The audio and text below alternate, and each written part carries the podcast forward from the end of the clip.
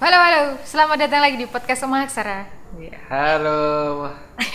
Tampaknya beda ya. Ini podcast kita pertama tahun di tahun 2020. Ruth. Yups. Ya mungkin kita kemarin sudah pernah tayang satu episode, tapi itu adalah Pas tahun baru. ya pasan. Ini sekarang ini episode perdana kita. Ya. Enaknya kita ngomongin tokoh nih Ruth, terus yang lebih berbobot. Ya. Pak Toto, Sultan Toto. Oh, Sultan Toto. Eh, Jangan-jangan kamu mau membentuk sebuah kerajaan juga ya? Iya dong. Kerajaan semut. Kita mau bahas Mas Putut kali ini, Ruth. Ya. Gimana? Mas Putut EA. Kayak ya. Apa ya? Jadi kenapa sih Mas Putut? Eh, Ya karena memang kalau beliau itu luar biasa lah. Terutama kalau melihat Jogja, iklim Jogja, iklim kreativitas Jogja. Saya kira ada baiknya kita juga mempelajari Mas Putut. Ya, pokoknya kalau kaitannya sama Jogja, seniman Jogja itu tak dukung kabeh, Ruth. Oh, tak dukung semua, Ruth. Kalau ada vote-vote itu aku pasti voting, Ruth. siapa contohnya? Aku seniman bukan? Oh iya, kamu seniman. Aku seniman sih, tapi wayang orang kan. Aku Wayang. kurus kering kayak gini kan. Garing banget. Terus, oke. Oke, kita bahas anunya aja apa? Cerpennya Hmm. yang judulnya. Bagus tuh. Judulnya apa? Judulnya Kenanga boleh?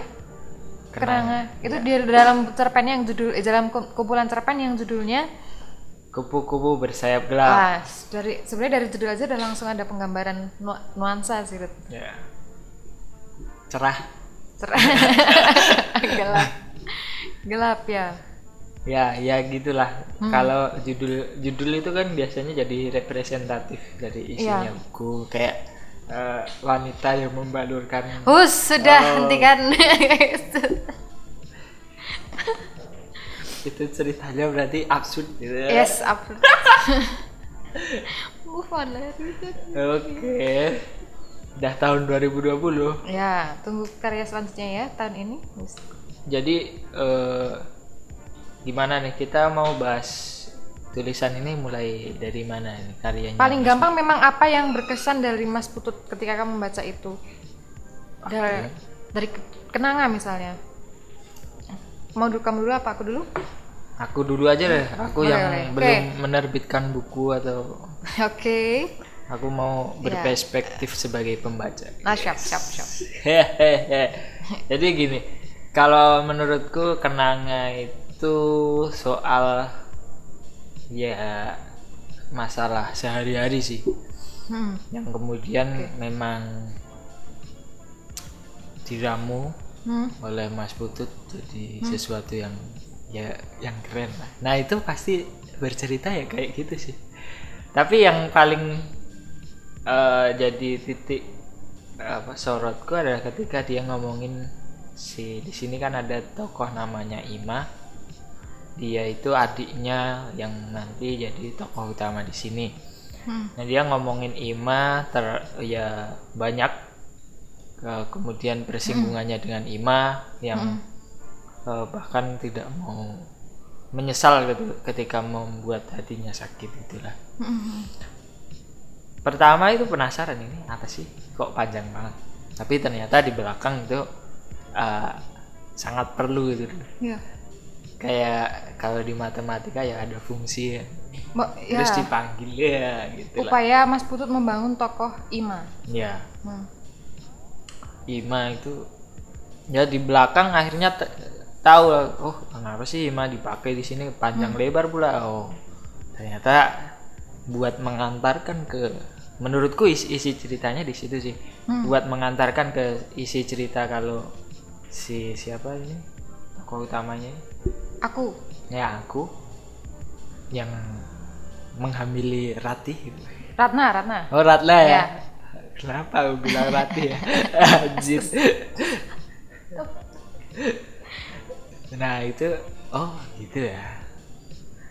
Ternyata ada kejadian si Ima itu ngeyel bawa teman si Ratna itu nginep di di kontrakannya aku ya gitulah menurutku yang berkesan itu sih Mm. bagaimana dia oh, bisa recall recall apa awalannya itu loh awalannya Oh, dibuat- kita dibuat penasaran dengan ya kita sebut saja sebagai alur cerita lah ya Ya, berarti ada apa ya? Dalam alur cerita itu sekaligus membangun sebuah kematangan karakter Ima. ya Ya, jadi ada satu pola maju yang fung, itu satu satu tujuan tapi kena dua poin itu. hmm. Dia membangun alur sekaligus di situ membangun karakter. Jadi sekaligus dia membangun dua hal itu. iya sih bener itu. si Ima ya kebayang kan gimana sih ah, kok bisa ngena ya Ima emang Ya, berarti memang ada kepiawan Mas Putut membangun apa ya, tidak hanya karakter namun juga emosi.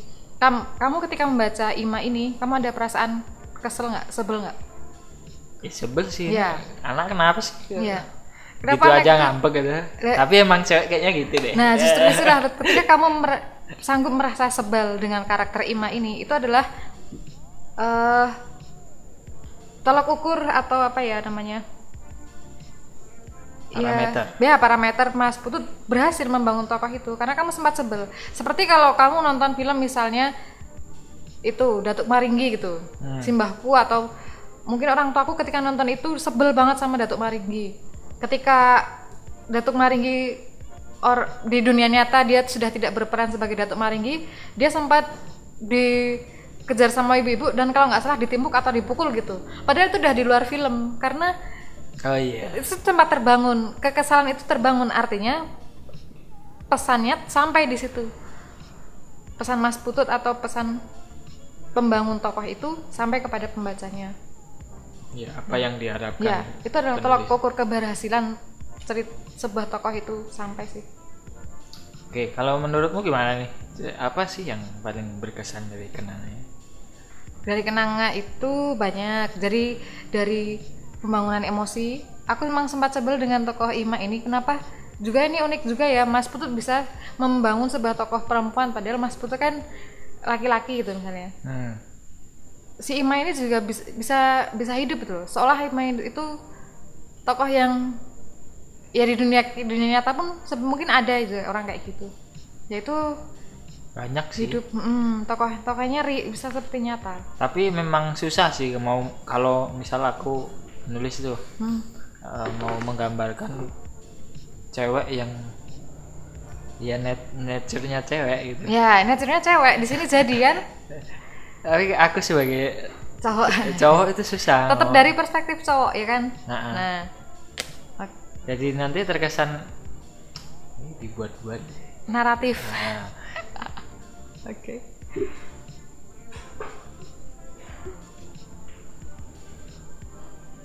terus apa lagi ya ah Dan tidak terduga ternyata di belakang ada twist. Nah, di situ endingnya lumayan pilu. Gondok juga tuh. ya kan kita juga dibuat jadi memang pen- membuat judul itu penting ya Hmm, hmm. ini kenanga apa sih kok kenanga gitu kenanga ternyata kemudian dibawa ke tokohnya Hmm, hmm. tokoh yang mengantarkan ke yang ada di apa setting isinya kan Hmm, hmm, kenanga adalah seorang pekerja keras hmm. kenanga adalah seorang yang apa nanti aku kalau melanjutkan jadi berpuisi banget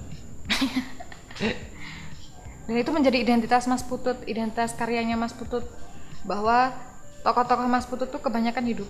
Emosi mereka bisa kita rasakan juga. ah ini aku jadi ingat ketika kenanga itu ketika di cross check sama si aku ketika bayar seratus ribu gitu. Heeh. dia malu-malu iya. kayak cewek kayak cewek ya Iya, cewek sungkan gitu Ah. ya. Kayak cewek ideal banget tuh. iya sih Kalau kamu ada nggak gimana caranya biar setokoh itu bisa nyata? Kamu ada nggak trik trikmu sendiri? Siapa tahu? Ya kita cuman meraba-raba ya mungkin teknik yang dipakai Mas Tutut Putut gimana? Kalau kamu gimana? Kalau aku sih Hmm. eh, tentu dari gimana kita melihat bagaimana menempatkan cewek itu sih Hmm. dia cewek itu mau berkarakter seperti apa kemudian dengan karakter itu tuh harus ditempatkan pada setting yang seperti apa gitu Oke.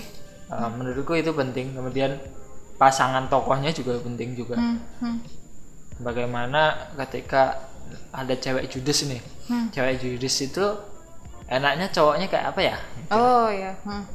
kalau nanti cowoknya itu terkesan pendiam meskipun dia judes tuh malah nggak kalau terjadi menurutku nggak konflik. jadi ya. Tidak terjadi konflik.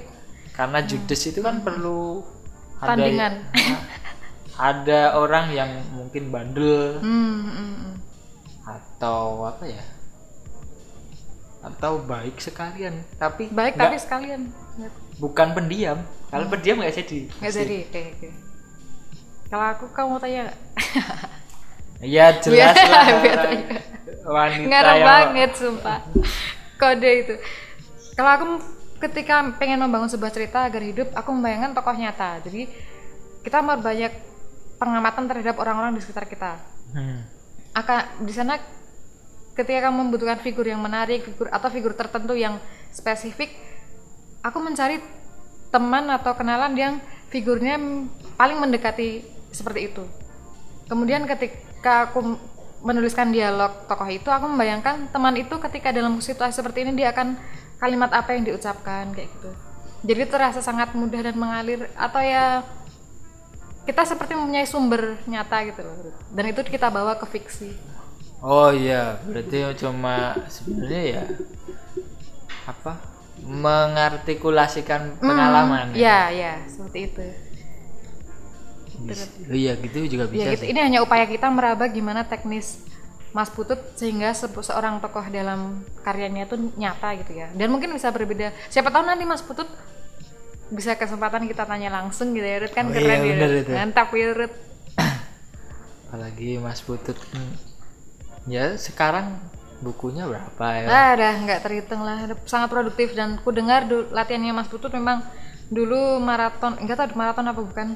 Jadi seperti tiada hari tanpa menulis cerpen gitu. ya buka maksudnya aku ngomong tadi buku itu sebenarnya gitu apa banyaknya buku itu kan kan berarti dia itu membuat tokoh atau figur yang banyak kemudian Hmm. uh, bagaimana dia itu menganalisa karakter-karakter A karakter B Oh iya gitu. ya, siap siap. kemudian dituangkan ke dalam ceritanya kemudian bahkan mungkin eksplorasinya seperti apa Maka itu sangat ya memukau lah kalau menurutku Keren lah. jadi kapan kita mau ketemu Mas Putut ya Tunggu episode kita selanjutnya. oke Hmm.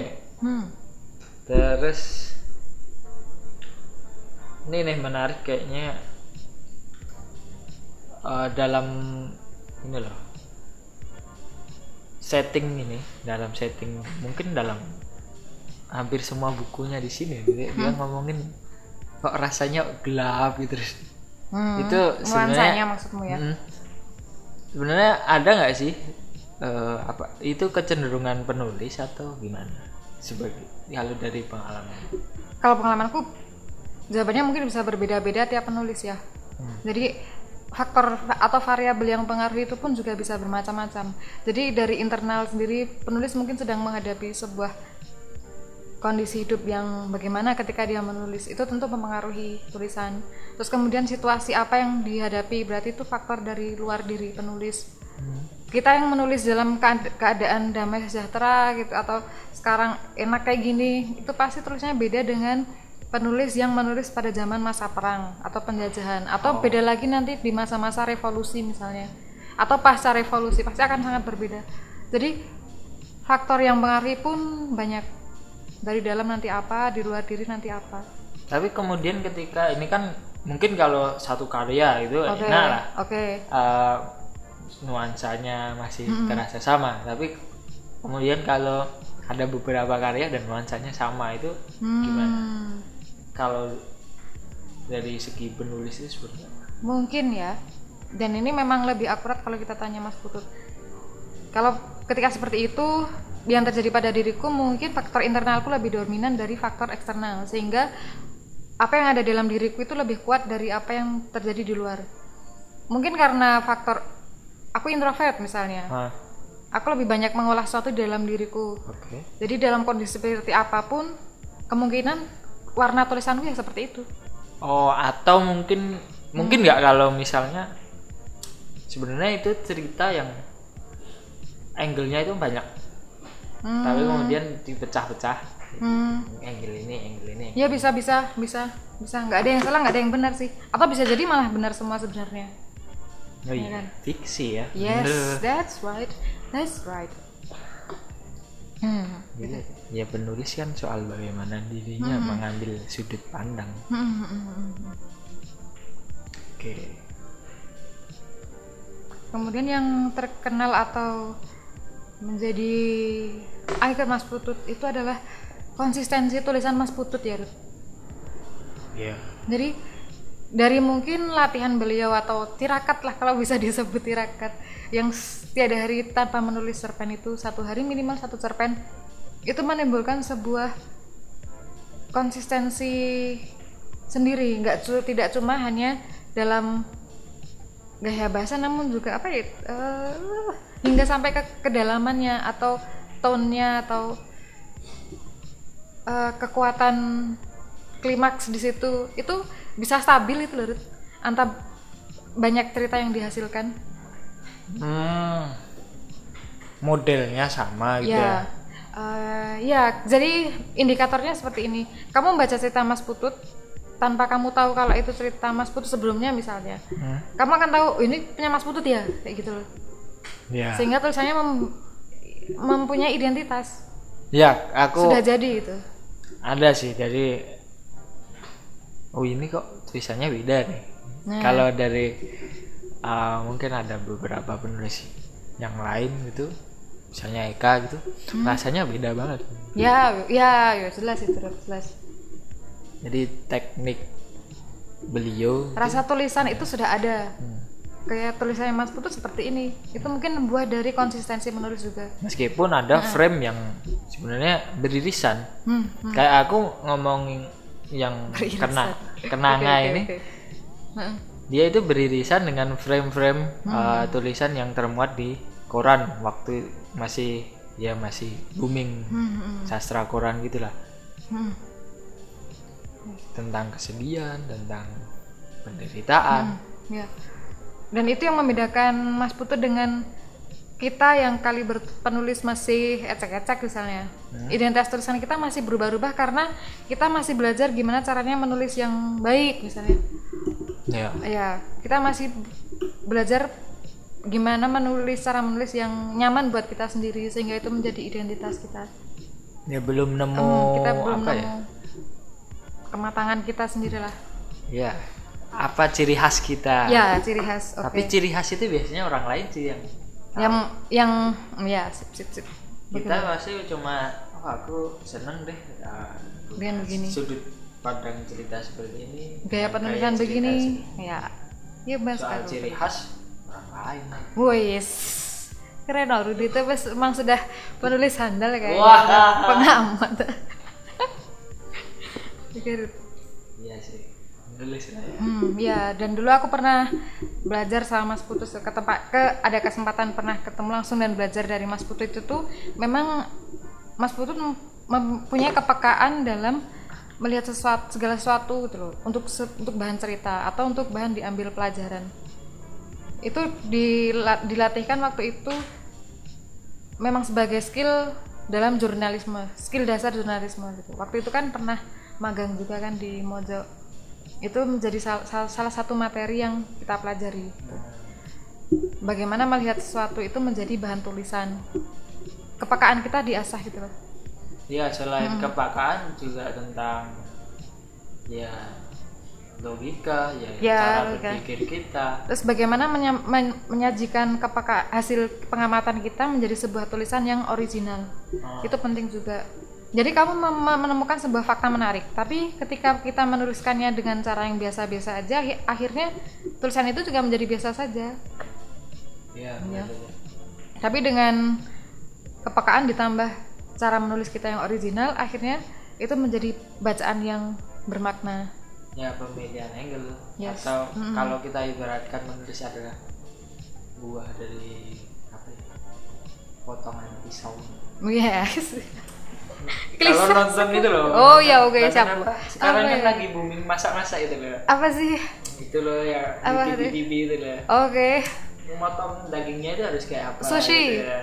apa harus miring ke kanan miring ke kiri itu harus- Sudutnya itu berapa ada- derajat ada ya? pengaruhnya oke siap oke tanya lah chef chef itu Oke. chef yang tatoan yang Chef, agak keren itu chef om om ganteng itu. Iya. Oh Eh, enggak sih, enggak ganteng.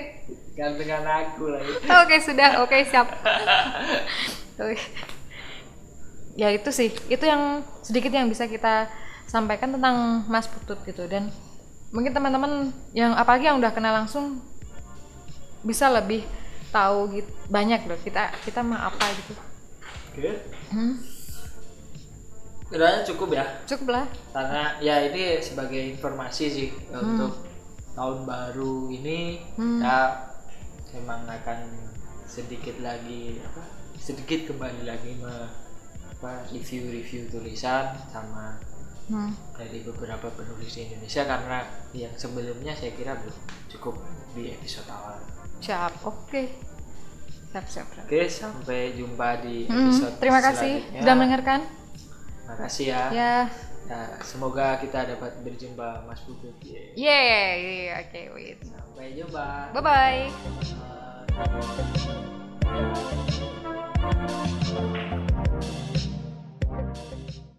Kalau aku kamu mau tanya nggak? Iya jelas lah. Wanita Ngarep yang banget sumpah. Kode itu.